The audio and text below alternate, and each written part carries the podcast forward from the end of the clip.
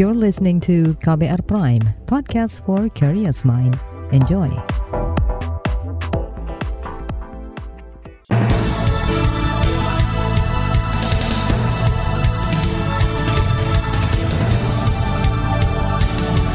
Selamat pagi saudara, senang sekali kami bisa menjumpai Anda kembali melalui program Buletin Pagi edisi Senin 14 Februari 2022. Saya Malika, sejumlah informasi pilihan telah kami siapkan di antaranya aturan baru pencairan dana jaminan hari tua ditolak buruh dan warganet.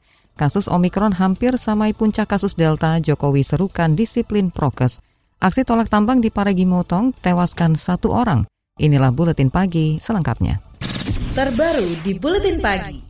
Saudara Peraturan Menteri Ketenagakerjaan terbaru tentang pencairan dana jaminan hari tua JHT memunculkan polemik. Pasalnya ada ketentuan dana JHT bisa dicairkan saat pekerja memasuki usia pensiun yakni 56 tahun. Kebijakan ini mendapat penolakan dari kalangan buruh. Presiden Konfederasi Serikat Pekerja Indonesia KSPI Said Iqbal menganggap aturan itu sangat kejam sebab dana JHT bisa menjadi uang pegangan atau dana yang diandalkan oleh karyawan yang di PHK akibat terdampak pandemi COVID-19. Menteri ini tahu nggak kalau buruh di PHK pada saat kondisi sekarang, kemudian JHT-nya tidak bisa diambil karena harus menunggu usia pensiun 56 tahun. Terus makan apa buruhnya? Oh ada JKP, jaminan kehilangan pekerjaan tidak semua buruh akan mendapatkan JKP karena jaminan kehilangan pekerjaan belum bisa berjalan karena belum ada peraturan pemerintah dan keputusan menterinya. Menteri ini kok kejam benar sama buruh. Presiden KSPI Said Iqbal juga mengingatkan saat ini angka pengangguran sangat tinggi karena ekonomi nasional belum bangkit. Itu sebab dana jaminan hari tua sangat vital bagi pekerja yang terkena PHK. Said mendesak Pres Presiden Joko Widodo segera mencopot Ida Fauzia sebagai Menteri Ketenagakerjaan. Ia menilai Ida berpihak pada pengusaha bukan pekerja. Suara penolakan juga mengalir dari warganet melalui situs change.org. Sudah lebih dari 300 ribu orang menandatangani petisi ini. Menurut pakar ketenaga kerjaan dari Universitas Indonesia Aloysius Uwiono, aturan pencairan dana JHT di usia pensiun sangat memberatkan, terutama bagi pekerja yang di PHK dan belum berusia 56 tahun. Mereka sangat membutuhkan dana tambahan guna mencukupi biaya hidup selama tidak bekerja. Apalagi biasanya uang pesangon yang diterima jumlahnya sedikit. Kondisi ini berbeda dengan pekerja yang mengundurkan diri karena mendapat pekerjaan baru, sebab kewajiban iuran program JHT melalui BPJS Ketenagakerjaannya pun bisa tetap berlanjut. Sementara itu Kementerian Ketenagakerjaan mengklaim skema pencairan JHT sudah sesuai Undang-Undang Sistem Jaminan Sosial Nasional dan aturan terkait masa pensiun. Dirjen Pembinaan Hubungan Industrial dan Jam Sostek Kementerian Ketenagakerjaan Indah Anggoro Putri menekankan JHT merupakan program perlindungan sosial jangka panjang. Dana hasil akumulasi iuran wajib peserta dan pengembangannya hanya bisa dicairkan 100% saat pekerja pensiun atau meninggal dunia atau cacat total tetap. Namun tetap ada peluang bagi peserta untuk mencairkan sebagian dana JHT sebelum masa pensiun dengan sejumlah syarat. Maka manfaat JHT-nya atau jaminan hari tuanya tetap dapat dinikmati atau dapat dilakukan klaim asalkan memenuhi syarat yang telah saya jelaskan tadi di atas yaitu e, masa iurnya adalah 10 tahun. Selanjutnya juga dapat e, menikmati manfaat yang dapat diterima yaitu 30% dari JHT yaitu 30% untuk rumah dan juga 10% dalam bentuk cash. Adapun sisa manfaatnya diambil pada saat usia 56 tahun. Dirjen Pembinaan Hubungan Industrial dan Jam Sostek Kementerian Ketenagakerjaan Indah Anggoro Putri menambahkan, skema program jaminan hari tua bertujuan memberi perlindungan pekerja saat hari tua. Dengan dana itu, pekerja masih memiliki uang untuk memenuhi kebutuhan hidup, sebab jika diambil semuanya, maka tujuan program JHT tidak tercapai. Selain itu, program JHT juga punya manfaat tambahan, misalnya fasilitas bunga ringan untuk pinjaman uang muka perumahan, kredit pemilikan rumah, dan pinjaman renovasi perumahan. Langkah pemerintah terkait program JHT didukung Koordinator Advokasi BPJS Watch Timbul Siregar. Peraturan terbaru justru membenahi aturan 2015 yang menyebut JHT bisa dicairkan sesudah pekerja di PHK. Ketentuan yang lama bertentangan dengan Undang-Undang Sistem Jaminan Sosial Nasional. Sebenarnya kalau saya sih mengamati regulasi yang ada ini 2 2022 itu sudah sesuai dengan pasal 35 dan pasal 37 Undang-Undang SJSN. Sehingga kalau ada orang bilang, kami menolak keberadaan Permenaker 2 tahun 2022, sebenarnya kalau mau jujur, yang ditolak itu pasal 35 dan pasal 37 Undang-Undang SJSN. Kalau Permenaker 2 tahun 2022 di judicial review ke Mahkamah Agung dengan tolak ukur pasalnya pasal 35 dan 37, saya yakin ditolak karena sudah sesuai gitu. Koordinator Advokasi BPJS Watch Timbul Siregar menambahkan aturan terbaru pencairan dana JHT diteken bersamaan dengan pemberlakuan program jaminan kehilangan pekerjaan JKP. Program inilah yang bakal menjamin perlindungan bagi pekerja yang mengalami PHK.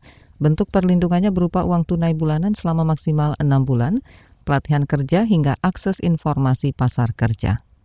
Menyikapi polemik ini, pemerintah di desa segera membuka dialog dengan kelompok buruh dan pihak terkait. Desakan itu disampaikan anggota Komisi Bidang Ketenagakerjaan DPR Ahmad Handoyo. Politikus PDI Perjuangan ini juga meminta Kementerian Ketenagakerjaan mencari solusi atas keberatan warga solusi jalan tengah yaitu dengan uh, tetap menggunakan konsep saat ini 56 tahun tetapi ketika ada pekerja yang putus hubungan kerja ketika para pekerja yang tidak melanjutkan kerja, ketika para pekerja tidak bekerja lagi di induk usahanya, saya kira harus diberikan jalan e, solusi ya. Bisa tetap melanjutkan, tapi juga diberikan opsi. Tetap bisa diambil dengan prasyarat-prasyarat, artinya tidak harus menunggu 56 tahun pensiun, Anggota Komisi Ketenagakerjaan DPR Rahmat Handoyo berpandangan secara prinsip skema pencairan JHT di masa pensiun sudah tepat, namun pemerintah perlu mengantisipasi beragam persoalan yang dihadapi pekerja yang terdampak aturan tersebut. Informasi usai jeda, kasus Omikron hampir samai puncak kasus Delta. Jokowi serukan disiplin prokes. Tetaplah di Buletin Pagi KBR. You're listening to KBR Pride, podcast for curious mind. Enjoy!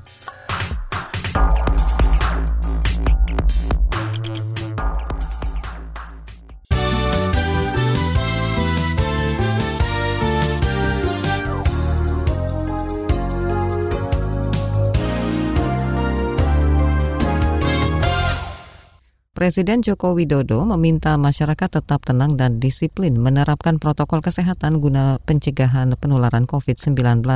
Melalui unggahan di akun Instagramnya kemarin, Jokowi juga meminta masyarakat mengurangi aktivitas yang tidak perlu. Kata dia pandemi COVID-19 di Indonesia sebagaimana perkiraan sedang menanjak dengan angka kasus positif hariannya yang mendekati puncak kasus saat Juli tahun lalu. Kepala negara mengingatkan warga untuk mengikuti program vaksinasi lengkap dan dosis penguat.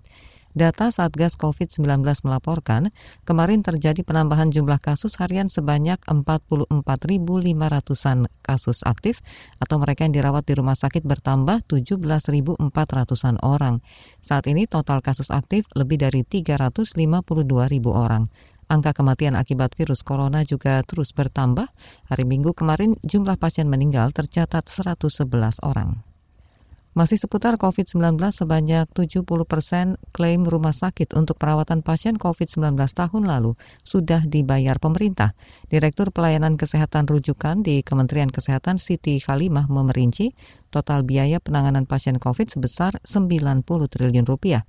Dari jumlah tersebut ada lebih dari 2, mil, 2 triliun rupiah yang tidak bisa dibayarkan karena kedaluarsa, tidak sesuai syarat administrasi, dan klaim dispute atau belum bisa disetujui.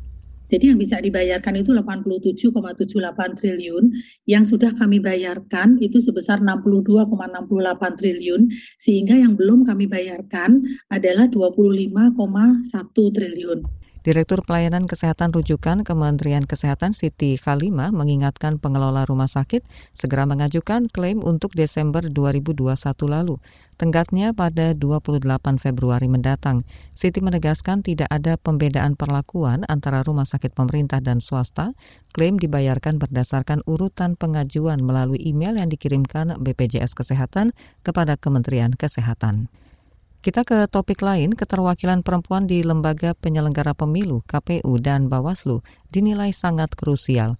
Direktur Pusat Studi Konstitusi Pusako Universitas Andalas Lampung, Ferry Amsari, mengatakan idealnya keterwakilan perempuan di lembaga tersebut minimal 30 persen. Yang memahami kendala-kendala perempuan, yang mengerti bagaimana tantangan, halangan-halangan yang dihadapi oleh pemilih perempuan tentu perempuan dan pembuat kebijakan yang pro dengan perempuan itu sendiri. Jadi makanya kami uh, di Pusako menyebutkan angkanya mestinya uh, 50 persen, 50 persen minimal. Karena kalau pakai logika matematika, karena pemilih perempuan lebih banyak, mestinya kan bukan perempuannya tiga, laki-lakinya empat, tapi perempuannya empat, laki-lakinya tiga. Direktur Pusat Studi Konstitusi Universitas Andalas Ferry Amsari menambahkan keberadaan perempuan di lembaga penyelenggara pemilu bisa mencegah kebijakan yang bias gender. Saudara tindakan represif aparat keamanan dalam menangani unjuk rasa mendapat sorotan kalangan akademisi. Pola kekerasan yang berulang sejak 2018 diduga bentuk pelanggaran atas hak kebebasan berpendapat. Menurut pengamat hukum dari Universitas Brawijaya, Milda Istiqomah, sikap aparat bertentangan dengan tugasnya sebagai penjamin keamanan. Milda mencontohkan penangkapan hampir 950 orang se-Indonesia yang menolak Undang-Undang Cipta Kerja, lalu penangkapan puluhan mahasiswa yang berdemonstrasi menolak RUU Otonomi Khusus Papua tindakan aparat ya memang sejak beberapa tahun terakhir ini ya seperti ini begitu. Pendekatan yang represif, penggunaan kekerasan dan kemudian eh, mereka berusaha menjustifikasi ini dengan kemudian menunjukkan satu aturan gitu. Pengamat hukum Universitas Brawijaya Milda Istiqomah mengkritik alasan aparat menangkapi para demonstran yang kerap tak masuk akal. Kasus terbaru penangkapan puluhan warga desa Wadas, Kabupaten Purworejo, Jawa Tengah pekan lalu. Dugaan bahwa warga membawa senjata ketika dikonfirmasi ternyata tidak terbukti. Milda menuding di balik tindakan represif berulang yang dilakukan aparat ada hal yang dilindungi yaitu kepentingan pemodal atau pebisnis. Beralih ke informasi ekonomi, saudara seiring kenaikan harga minyak mentah dunia, sejumlah pom bensin ikut menyesuaikan harga BBM. Tak hanya SPBU swasta, tapi juga pom bensin milik Pertamina ikut menaikkan harga jual BBM non-subsidi. Situs mypertamina.id mencatat harga jual bensin naik sejak Sabtu 12 Februari kemarin, yaitu harga Pertalite dari Rp7.650 menjadi Rp8.000 per liter. Pertamax naik Rp9.000 menjadi Rp9.400 per liter. Disebutkan kenaikan harga BBM Pertamina ini sebagai tindak lanjut keputusan Menteri ESDM tentang formula harga dasar dalam perhitungan harga jual eceran jenis bahan bakar minyak. Kita ke mancanegara, Kementerian Luar Negeri Indonesia sedang menelusuri informasi tentang penahanan 22 WNI yang masuk Malaysia melalui jalur laut secara ilegal. Koordinator KBRI Kuala Lumpur, Yoshi Iskandar, kemarin mengatakan bakal berkoordinasi dengan otoritas Malaysia untuk memastikan kondisi para WNI tersebut. Sebelumnya diberitakan patroli polisi laut Malaysia menahan 22 pendatang asing tanpa izin dalam satu perahu yang mengalami kerusakan mesin di perairan Sungai Buloh, Selangor, pekan lalu. Aparat juga menahan nahkoda perahu dan dua pembantunya untuk kepentingan penyelidikan.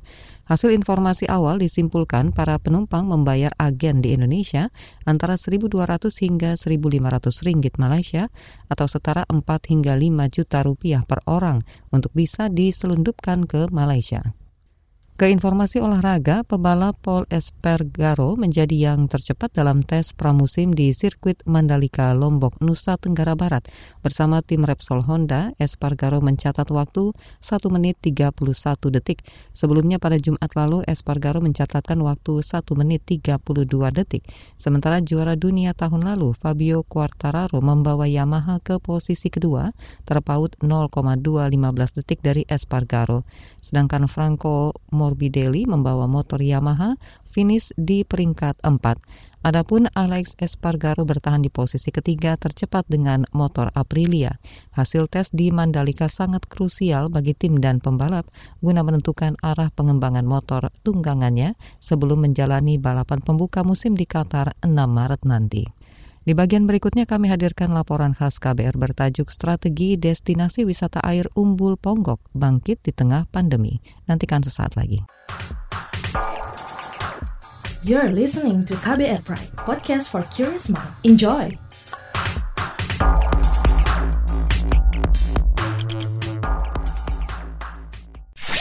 Commercial break.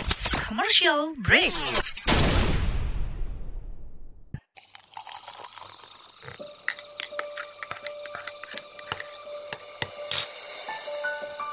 Hai, kamu apa kabar? Masih suka menikmati senja dan kopi? Aku masih ingat kebiasaan kita. Sehabis pulang kerja, selalu mencari tempat untuk sekedar ngobrol dan ngopi. Tapi kadang kita kehabisan bahan obrolan. Aku masih melakukan hal yang sama sampai sekarang tanpa harus takut habis bahan buat ngobrol. Karena aku selalu mendengarkan KBR sore dari Senin sampai Jumat jam 4 sore. Ah, aku rindu. KBR Inspiratif Terpercaya.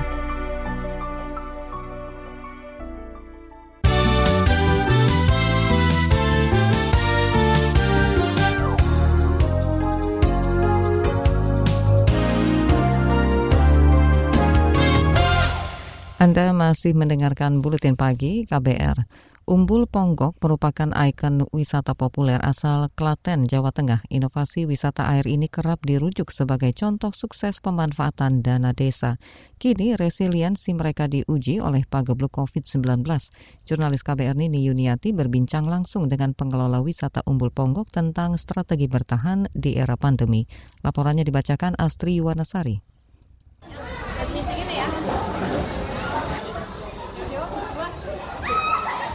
Santi tengah beristirahat di tepi Umbul Ponggok, Klaten, Jawa Tengah. Ia menghabiskan akhir pekan di sana bersama anak dan tiga keponakan. Baru pertama kali sih berkunjung di sini. Ya tadi sempat kaget ternyata di Klaten punya wahana wisata air yang bagus, yang modern. Santi membeli paket berfoto di dalam air seharga seratus ribu rupiah ia berencana kembali ke Ponggok untuk mencoba sensasi wahana lain seperti diving atau menyelam. Menyenangkan, ada pemandunya juga. Pemandunya ramah-ramah, asik kok. Tak berlebihan kiranya warga Klaten seperti Santi bangga dengan keberadaan Umbul Ponggok. Mata air yang berada di Desa Ponggok, Polan Harjo, Klaten ini sudah lama banjir pujian Salah satunya dilontarkan Menteri Keuangan Sri Mulyani yang pernah mengunjungi Umbul Ponggok beberapa tahun lalu. Aplaus diberikan kepada Kepala Desa Ponggok, Junaidi Mulyono, yang sukses menyulap Umbul Ponggok menjadi wahana wisata air terkemuka. Anggarannya menggunakan dana desa. Umbul Ponggok berstatus sebagai aset desa dan dikelola Badan Usaha Milik Desa BUMDes Tirta Mandiri. Mata air ini sudah ada sejak zaman kolonial, tetapi potensi wisatanya baru serius dikembangkan pada 2010. Kepala Divisi Wisata BUMDes Tirta Mandiri, Suyantoko. Karena gini tahun 2006 keadaan Ponggok itu adalah termasuk desa tertinggal, desa merah, Jadi, nomor dua terendah se kabupaten apa desa yang dulu miskin dan sekarang sudah bisa membalikkan. Popularitas Umbul Ponggok kian meroket ditopang kekuatan media sosial. Sebelum pandemi, saban hari mereka kedatangan seribuan pengunjung. Di akhir pekan jumlahnya berlipat menjadi 4.000 hingga 8.000 orang. Ekonomi dan kesejahteraan warga Ponggok pun otomatis ikut terangkat. Bagaimana dengan adanya umbul ini eh, masyarakat di sini bisa jualan, bisa bekerja di sini, ada lahan parkir mereka itu yang benefit itu yang uh, mungkin kalau di swasta murni tidak akan terpikirkan. Dia pasti Pada 2020, badai pandemi sontak menyapu sukacita di Ponggok. Selama dua tahun terakhir, wajah umbul belum pernah pulih seperti sedia kala. Apalagi 80 persen pengunjung berasal dari luar Klaten. Itu kalau 24 bulan kan, itu liburnya hampir 18 bulan. dua tahun itu libur benar-benar libur ya benar-benar libur jadi bisa dibayangkan selama dua tahun tidak ada pemasukan sama sekali itu tadi yang tahun sebelumnya itu pendapatan bumdes semua itu kita sampai ke 16 miliar tahun 2020 hmm, turun jatuh menjadi 4,2 miliar. Strategi efisiensi dijalankan untuk menekan kerugian. Sebanyak 40-an karyawan tetap bekerja, tetapi dalam sistem shift. Adapun untuk mendongkrak jumlah pengunjung, berbagai promosi digencarkan. Dan kita kan PPKM, orang luar Klaten nggak boleh masuk, otomatis ya orang Klaten saja. Makanya kemarin kita juga menurunkan tiket. Yang dulu kan tiketnya 15 ribu, sekarang turunkan jadi 10 ribu. Biar orang-orang Klaten juga nggak terbebani. Yanto berharap tahun ini objek wisata air boleh dibuka kembali. Ia memastikan bakal mematuhi seluruh syarat untuk menjamin keamanan dan keselamatan semua pihak. Dulu, jadi aturannya berubah. Kalau dulu kan nyemplung dulu baru bilas kan, kemarin itu bilas dulu baru nyemplung. Kita laksanakan, yang penting wisata bisa dibuka itu saja. Ada income gitu lebih sedikit. Di Klaten ini kan terkenal dengan seribu mata air ya. Jangan sampai menjadi seribu air mata kan gitu kemarin itu hashtagnya kita seperti itu. Pandemi tak membuat Umbul Ponggok berdiam diri tetapi justru menggenjot inovasi. Bisnis di wisata itu emang kita bagaimana orang datang itu nggak bosan. Jadi kita sudah beberapa plan yang akan kita keluarkan nanti. Strategi kami jangan semua langsung dideng, gitu kan. begitu udah tahu semua ya sudah nggak datang lagi. Tapi pada waktu oh sekarang beda lagi, datang lagi, datang lagi. Yanto yakin Umbul Ponggok bakal terus berjaya sebagai objek wisata air terdepan. Bagaimana kita tetap menjadi apa startup yang jadi follower kita yang pertama pertama dulu karena kalau yang pertama itu yang akan lebih dikenangan gitu. Kalau dari follower ngapain gitu. Kita tutup yang pertama-pertama. Gitu, Demikian Saga KBR, saya Astri Yuwanasari. Saudara usai jeda kita akan simak laporan dari berbagai daerah tetaplah di Buletin Pagi KBR. You're listening to KBR Pride, podcast for curious mind. Enjoy!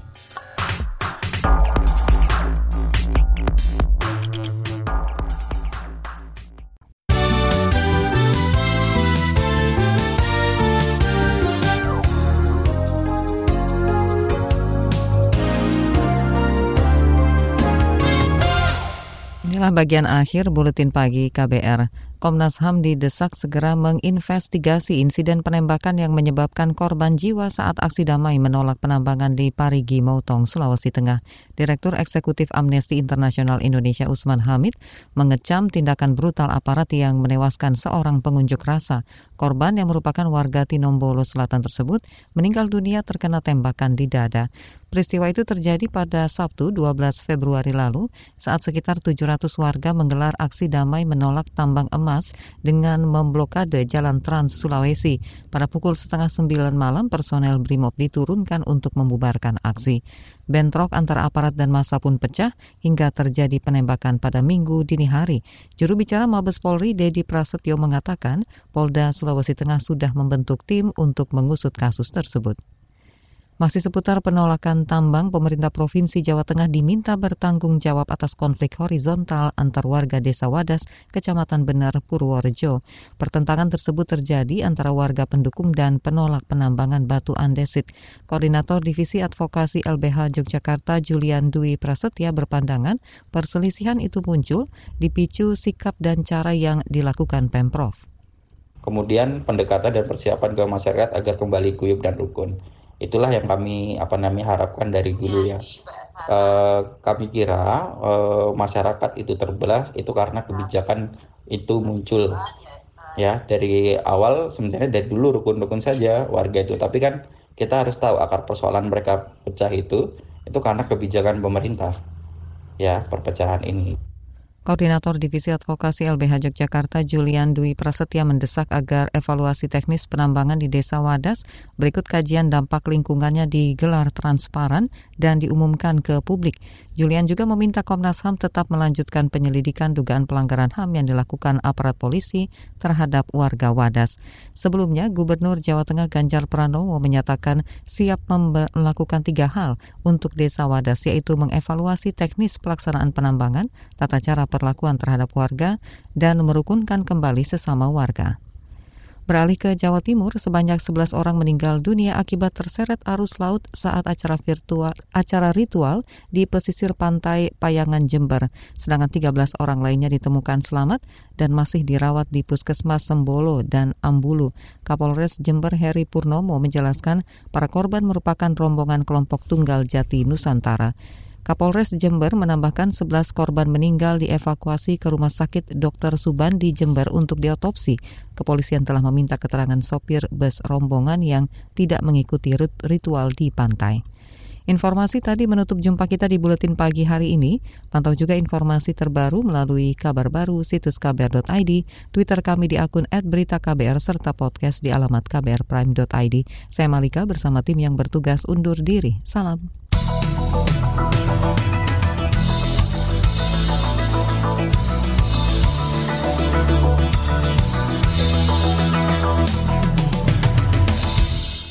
KBR Prime, cara asik mendengar berita.